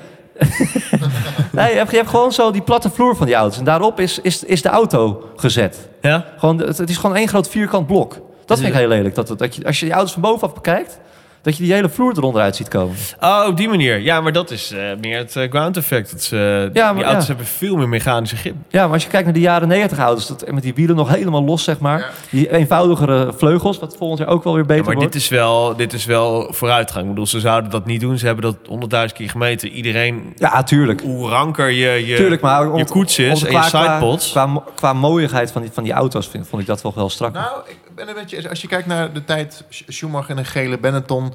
eh, een, een McLaren, een Renault, eh, Williams, Ferrari... Die auto's zagen er heel anders uit. De neuzen waren de ene Ja, van maar een heel ander tijdperk. Heel ander tijdperk. Tuurlijk, maar Ze weten gewoon nu, nu veel beter hoe ze lucht kunnen geleiden. Ja. Ehm, ehm, toen was er veel minder... het nou, veel minder. Overigens is, zijn de stappen steeds kleiner geworden. Maar eh, toen waren sidepods veel groter. Nu is de techniek om te koelen veel beter. Daardoor kun je die sidepods smaller maken. Daardoor krijg je die hele ranke designs. Ik Veel minder bommetje op. luchtweerstand. Ik gooi een bommetje op. Waarom doen we niet gewoon radicaal... Pam, hele bizarre regels en zoek het maar uit. Kijk naar Braun. Die hadden iets, iets geks op bedacht... waardoor ze... Die vonden Maas in de wet door nieuwe reglementen. Ja. Hè, Erik zei het in de vorige podcast al, Erik Hoebe, eh, schrijver van het Formule 1 boek. Zou je het ook niet gewoon helemaal open kunnen gooien? Dat bedoel ik. Nou ja, dat, dat zei Erik ook al. En hij verwacht ook volgend jaar met die nieuwe reglementen... dat de afname van de vleugels voor en achter, sidepods... ehm, dat daardoor, eh, of uh, barsport is geloof ik... dat daardoor ehm, weer iemand de maas in de wet gaat vinden. Ja, ik denk dat dat misschien wel mee zal vallen. Maar ja, in 2009 kregen we echt die wasrekken van, van vleugels. En toen vond, toen vond Braun, die, eh, overigens heeft Honda daar zich echt eh, achter de oren gekrapt. Hè? Die hebben die auto gewoon helemaal ontwikkeld. En eh Braun is daarmee eh, verder gegaan. Die zeiden, aju, we stoppen ermee. Maar die ontwikkelaars Succes. willen toch ook nieuwe dingen ontdekken? Dat is toch juist leuk? Dat, Dat hoort bij de sport. Om. Ja, maar hoe, hoe zou je dit dan zien? Ik, weet het niet, maar het gooi iets, iets totaal van... we gaan dit verbieden en dat... zoek het maar uit. Ga het maar ontwikkelen. Ja, en dan- krijg je ook alweer van wat, wat is nou de kern van de sport? Ik bedoel, ik, ik vind het mooi om auto's te zien die ehm, zulke bizarre technologie, gewoon het meest vooruitstrevende wat er mogelijk is op het gebied van zo snel mogelijk rijden, zo snel mogelijk een, een ronde afleggen eh, in een bepaald tijdsbestek en, en daarin steeds in nanoseconden als het ware vooruit gaan. Dat, dat vind ik het mooie aan de Formule 1. Het probleem van de Formule 1 Alleen dat begrijpt de kijker misschien niet, want de spanning is er daardoor En we hebben te maken met het digitale tijdperk. Eigenlijk, laten we wel wezen, als je de Formule 1 helemaal zou loslaten, hadden we al lang ABS gehad, elektronisch rijden ehm, en traction control. En snap je, dus dat wordt allemaal. Ja, maar dat Er hebben we is allemaal ook gehad. nog- Dat hebben we allemaal gehad. En dat, er is ook nog iets van de rijder moeten bepalen. ja, dat klopt. Het is Ja, ik snap wat je bedoelt. Het strookt met het, het, het digitale. En we willen wel weer dat de, Precies. dat de rijder centraal staat. Het is lastig. Ja, ik, dat snap ik. ik denk dat we vooral wel op korte termijn moet gaan bepalen wat de Formule 1 nou precies is. Precies. Wil, precies. wil de Formule 1 een Ontwikkelen of- uithangbord van de auto-industrie zijn?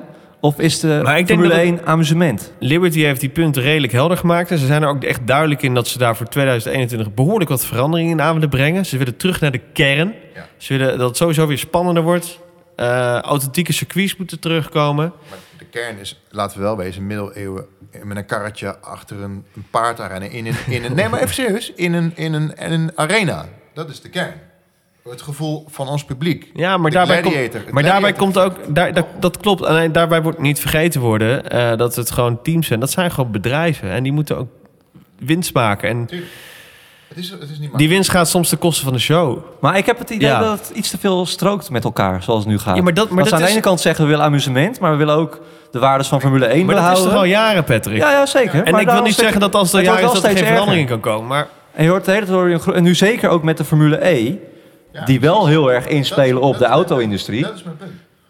Zou ik, als, als, ik het nu voor het Formule 1 bij het... En ik denk dat, ik hoop ook dat ze dat gewoon gaan doen. Dat ze gewoon volle bak zeggen, nou, we laten die auto-industrie gewoon varen wel, eh, een, beetje zoals, een beetje zoals het is. ik ga Formule E deze winter echt kijken. Ja? Ah, dat wordt Ik vind die nieuwe Gen coureurs. 2 auto, vind ik, iedereen vindt hem walgelijk. Ik vind hem te gek dus. Ja. Ik vind hem echt, echt vet. Iedereen vindt hem walgelijk. Alleen die circuits zijn zo... eh Ja, het zijn allemaal van die uh, halve achterbuurtcircuits. Ze moeten nu wel een stuk sneller zijn, hè, die generatie 2. Ja, nog steeds valt het wel tegen hoor. Ja? Ja? Ik geloof het het is 230, 240 of zo, met veel pijn en moeite. Ja. Ze- die En- vorige generatie en is ook echt langzaam uit. Gewoon, Ja. gewoon Formule 3 of En wat ik daar ook wel raar vond, is dan reed iemand zijn, eh, zijn vleugel reed hij eraf. En dan reed hij de ronde daarna gewoon nog steeds zo'n snelle rondetijd, weet je. ja, dat maakt een gereed uit. Ik denk, Ja, waar zit ik nou in hemelsnaam naar te kijken? Dat soort dingen. Nee, wat dat betreft is Formule 1 blijft wel de pinnacle van autosport. Ja, Als ik maar dan ik- Formule 2 heb gekeken en dan kijk ik Formule 1 en denk ik echt van... Wauw, dit gaat echt zoveel klappen Ja. harder nog. Frederik, jij mag één ding veranderen aan de Formule 1. Wat zou je doen? DRS weghalen. Ja? Ja, DRS weghalen. Meer terug naar ground effect. Helemaal, ben ik ook, dat zou ik ook. Patrick, Eén ding veranderen aan de Formule 1. Eh, je krijgt nu de sleutel. Alsjeblieft. DRS weghalen. Ik zou eh, blauwe vlaggen afschaffen. Ja, mag voor mij ook. Dat, dat zit trouwens wel... Ik denk dat dat wel in 2021 eraan zit te komen. Veel Nuff ooit gezegd, schaf de spiegels af. Nou, dat zou ik niet doen. Nee, nee, maar ik bedoel... Nou ja, Er moet iets gebeuren, zijn we het over eens. toch? maar ik denk dat ze met de blauwe vlag noemen we dan. ehm, Nee, gewoon zo'n IndyCar-constructie. Dat je het, eh, eh, een soort adviesvlag. Dat je weet dat er iemand achter je zit, maar je hoeft hem niet per se eh, voorbij te laten. Ga, ga, ga maar voorbij. we krijgen je- ook als nog je de grotere. Ja. krijgen ook nog de grotere wielen. Ben je ook van het gezeur af? Die grotere wielen krijgen ook nog Pirelli. Ja. Eh, ik denk dat dat ook wel heel gaat veranderen. Wordt auto's worden compleet... Vergeet Ah, het niet, rubber wordt dunner. Hè? Ja, Dat- het- het- het- je auto wordt, luister, ik geloof 30, 40 procent van je, ehm, hoe je auto voelt, ook je eigen auto. Ga maar eens naar een grotere velgmaat. Dat is veel, st- veel straffer. Dus je hele onderstel, je hele, die uitleiding van die auto, onderstel, het moet compleet aan worden gepast. Je hele filosofie. Eh, daar, dat, ik denk dat het in de, de, de forward teams gaat compleet op de schop worden gegooid daarmee. Mark my words. Denk ik echt. Dat is, dat, wanneer, wanneer gaat het gebeuren trouwens met die grotere wielen? Volgens mij is dat laatst bepaald met die contractverlenging van Pirelli. Dat dat, eh, 2020 geloof ik, hè? ja, of 2021 zelfs. Het was ook wel echt een lullige pilot was dat. Want Hankook had zich ingeschreven. Maar dat was, eh, het ging dan in vanaf 2020. Dus Hankook moest zich voor één jaartje even die oude banden Ja, van 13 klopt. inch ontwikkelen. Eigenlijk al gedoemd om te mislukken. ja. Vond ik wel heel treurig van, eh, van de FIA. Ik denk dat ze een beetje online een hoedje ook wel hebben gespeeld ermee. Wel, ja, ja, ja. Dat vond ik wel. Want Hankook, Formule 3 is gebleken, hebben ze leuke banden. Die het, eh, zit, zit het probleem in de banden, denken we, vandaag de dag? Er wordt veel over geklaagd. Max Verstappen klaagt er ook nog even voor. Ik denk dat het voor de coureurs, die hebben het idee dat ze heel erg moeten besparen. Maar Hankook, of eh, Pirelli maakt een band die gewenst is door, door de FIA, toch? Of niet? Die, die produceren wat een opdrachtgever wil. Het is voor iedereen hetzelfde. Dus, Dus, en als Pirelli zegt van, joh, we maken een band van... Ze kunnen ook een prima zo'n Michelin maken als tien jaar geleden. Maar ja, dan... dan eh, hoe, zou het dan zijn? als die band echt slecht is, dan ga je zes keer naar de pitstop. Ga je zes keer banden wisselen. ik, ik vind dat Pirelli wordt, vaak, wordt te vaak tegen Pirelli gezegd dat zij de boeman zijn. Nee. Maar ik vind, dat, ik vind dat niet altijd terecht. Ze hebben die band aangepast. En eh, ja, eh, wat, wat, wat, wat verwacht je nog meer van zo'n bandenmaker? Moet het nog langer meegaan? Ja, we willen ze, gingen, ze gingen te snel kapot. Nou, gingen ze nu te snel kapot. Nu hebben ze meer endurance gegeven. Nu gaan die teams zachter rijden om een, om een stop te besparen. Ja, Ja, nee, dat is ook zo. Dat, eh, Ze Ja. willen nu voor volgend jaar nog een compound harder gaan, geloof ik. Hè? Om, eh, ja, alleen dat zouden ze nog wel weer achter de schermen doen. Want we krijgen natuurlijk wel alleen maar eh, soft, medium en hard volgend jaar. Dat is Ja, ik, van, ik, als fan baal ik daar wel van. Maar ja, dat is weer iets van... We wennen er vast wel aan natuurlijk. Het wordt wel duidelijker. Soms had je niet door wat hij, erop volgens, volgens mij maken ze het wel gewoon Bekend, bekend voor iedere race. Welke alleen ze gaan in de er echt graphics gaan ze, eh, eh, gaan precies. ze alleen maar soft, medium en hard. En Dat, eh, Ze willen ze compound harder gaan, zodat er meer harder kan worden gereden of zo. Maar het gekke is dat die hardste wordt nu al niet gebruikt. Je hebt al, je hebt al super hard, die is geen één keer gebruikt. Nee, die is veel te hard, joh. Dat schijnt echt, dat schijnt echt be, nou ja, bijna een soort sportband te zijn voor, je, voor, de, voor een straatauto of zo. Ja, ja. Zo weinig grip dat het ding heeft. Maar wat zou jij veranderen, Lucas? Terugkomend op je eigen vraag. Nee, DRS ook. DRS ook. Ik vind die, die knopjes en dingetjes... Ik wil gewoon weer inhaalacties. eh, En volgens mij kan het ook, hè? Dan komen we weer op het punt van... Maar, maar daar krijg je ook lef, hè? Dan krijg je lefdingen. Ja, ja, maar dan kom je weer op het punt van wat, wat willen we nou zien? Willen we veel inhaalacties zien? Want we krijgen volgend jaar niet alleen DRS, maar ook van die die- simpele achtervleugels. Ik wil niet die, eh, die, die simpele interactie op het rechtstuk zien. Ik wil dat ze aan het einde van een rechtstuk iemand uitremmen, verschalken, weet je wel. haalt. Ik wil dat... dat ik zit, Montoya, ik zit- Schumacher. Ja, Maar dan loop je wel Oostenrijk. het risico dat je, dat, je, dat je hele saaie races krijgt. dat hebben we Ik denk het niet. Canada? Ik denk het dus echt niet. Ik denk dat dat ruis, dat zit tussen onze oren, denk Ja, ik. denk ik ook. Ik denk dat je eh, sowieso, als ze überhaupt die, die vleugels al iets verminderen, kunnen we het beter volgen. Laten we het hopen. Of het nog waar is, het werd al een beetje ontkracht door sommige teams. Maar goed, laten we het hopen. Ehm, maar als, als, dat al, als je gewoon beter kan volgen, dan kun je ook gewoon dichterbij komen al opleiden voor, voor, voor een rechtstuk. Ja. Want dat is nu het probleem. Je kunt door, door de slipstream koelingsproblemen... ik sneller ga. Ja, als ze dat gewoon veel meer kunnen zien, dat zou ik graag wensen. Maar voor de rest, ja, ik, ik vind niet heel veel mis met Formule 1. Nee, ik ook. Maar misschien zie niet- ik het als, als... Ik sta open voor verandering, hoor. Maar, Maar, maar als je ziet hoeveel leuke races we hebben gezien, dan is er ook niks mis is- met dat- Formule 1. Daar heb je wel gelijk in. Daar heb je wel gelijk in. Maar aan de andere kant, ik wil niet meer horen op de boordradio... "Ja, ik, kom er niet voorbij, want ik heb eh, vieze lucht. Terwijl hij 300 meter achter iemand rijdt. het is overigens, dit jaar was het wel minder erg dan het jaar daarvoor al. Hè? Het was in 2017 echt heel erg. Ja, dat is wel waar. Dit jaar had ik het idee dat ze wel... Toen, toen zag je ook echt een auto breed gaan, wijd gaan als het niet lukte. En nu zie je toch al wel... En Verstappen, als hij echt wil, kan hij wel opleiden. Het vreet alleen heel veel banden, hè? Dus ik snap dat we er moeite mee hebben om het winterseizoen in te gaan, jongens. we blijven. Maar ik vind het leuk dat we hierover kunnen ja. Absoluut, absoluut. Het is, eh, maar er komt een einde aan deze fantastische avond, de Formule 1 Awards 2018. Iedereen in de zaal bedankt voor de aanwezigheid. Frederik, heel erg bedankt. Patrick, bedankt. Dit waren de Formule 1 Awards 2018. Iedereen bedankt voor het stemmen. En eh, tot de volgende keer. Tot de volgende keer. Jo, tot snel.